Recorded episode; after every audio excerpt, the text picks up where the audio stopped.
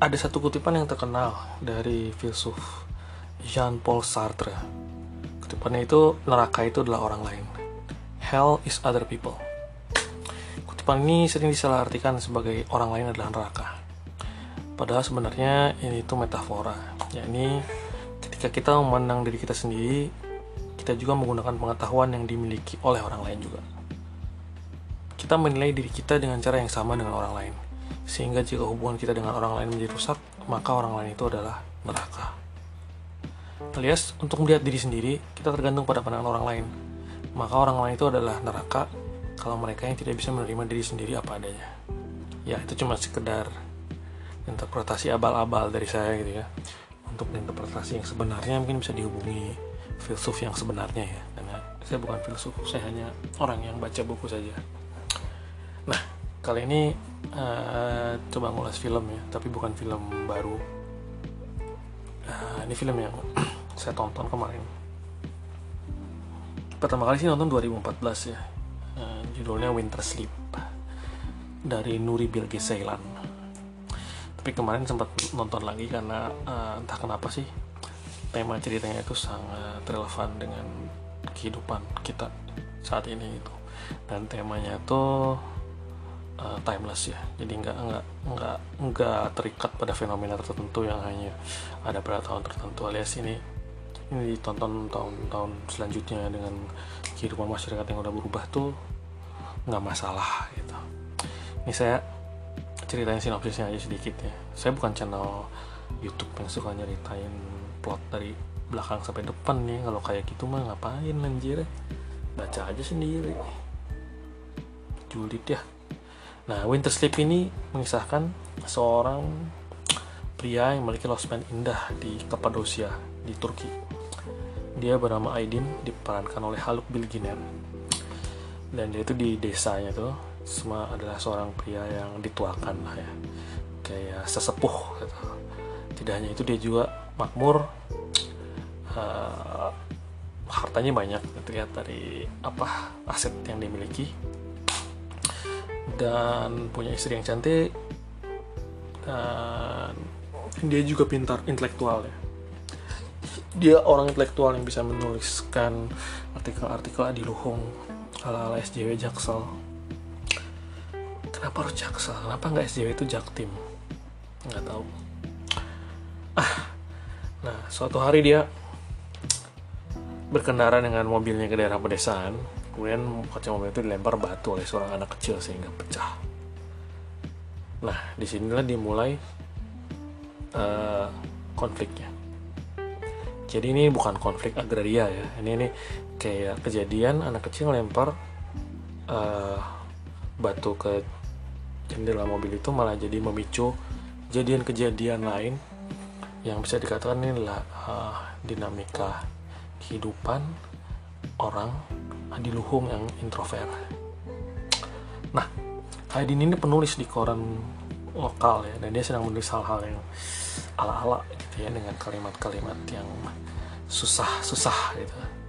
Bisa dikatakan sih kolomnya itu tidak membumi gitu bagi sebagian warga desa di situ yang miskin yang yang mereka pentingkan ya bukan uh, kutipan-kutipan canggih dari Jean Paul Sartre. Tapi bagaimana bisa hidup sehari-hari bayar sewa bayar listrik. Nah di sini tercipta kontrasan antara yang kaya yang miskin yang adiluhung dan yang tidak peduli dengan hal-hal adiluhung tersebut gitu. Ini durasi filmnya 3 jam ya. Tapi jangan ngebayangin seru kayak Infinity War karena ini ngobrol doang. Jadi kalau yang cari seru-seruan di sini yang ada sinar-sinar yang ada percon yang ada musik dugem ya bukan di sini. Nah dalam dialog-dialog yang padat dan, dan berisi ini kesombongan Aidin terus uh, pandangannya soal moralitas soal agama soal filsafat ini uh, menarik. Dan dialog-dialog itu terasa seperti kita baca novel khususnya novel Rusia gitu. Kalau familiar dengan novel dari Anton Chekhov gitu wah dialognya itu kayak begitulah dan sebenarnya bukan dialog adiluhung ya nggak. Tiba-tiba dia ngomongin termodinamika terus dibalas dengan biologi molekuler. Nggak ini obrolan sehari-hari yang entah kenapa bisa menyiratkan banyak hal gitu. Jadi bisa dikatakan si Aidin ini adalah orang adiluhung yang snob gitu yang yang yang yang dia merasa gitu karena dia tahu banyak hal maka dia berada di atas semuanya gitu. Lihatlah saya saya di atas sedangkan kamu yang bodoh-bodoh gitu di bawah gitu. tapi karakter Aidin ini juga bukan karakter dua, dua dimensi seorang tuan tanah yang senang menjolimi orang memecut enggak gitu jadi menariknya tuh karakternya tuh tiga dimensi gitu ini ini ini bukan harus pakai kacamata ya tapi karakternya itu memiliki lapisan-lapisan yang uh, menarik gitu. Jadi kalau menurut kesimpulan saya itu kenapa sih Aidin itu begitu terlihat intelektual gitu. Sebenarnya dia uh, menghindari uh, apa ya? Menghindari menerima dunia itu apa adanya gitu. Menerima uh, bahwa ya hidup begini-begini aja gitu, nggak ada hal spektakuler, nggak ada hal yang dahsyat. Dia berusaha menutup apa menutupi dengannya tulisan-tulisan canggih itu hal-hal ideal ide-ide dahsyat soal budaya soal kebangsaan itu ya nggak salah bagus tulisannya cuma ya, di filmnya nggak disebutin tulisannya pasti juga nggak baca.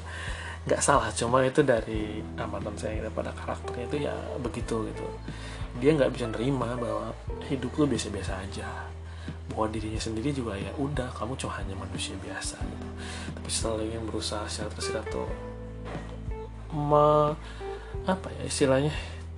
Menuju tak terhingga dan melampuinya ya sedangkan di sisi lain penduduk desa istri dan adiknya tuh memandang Aidin tuh berbeda. Gitu.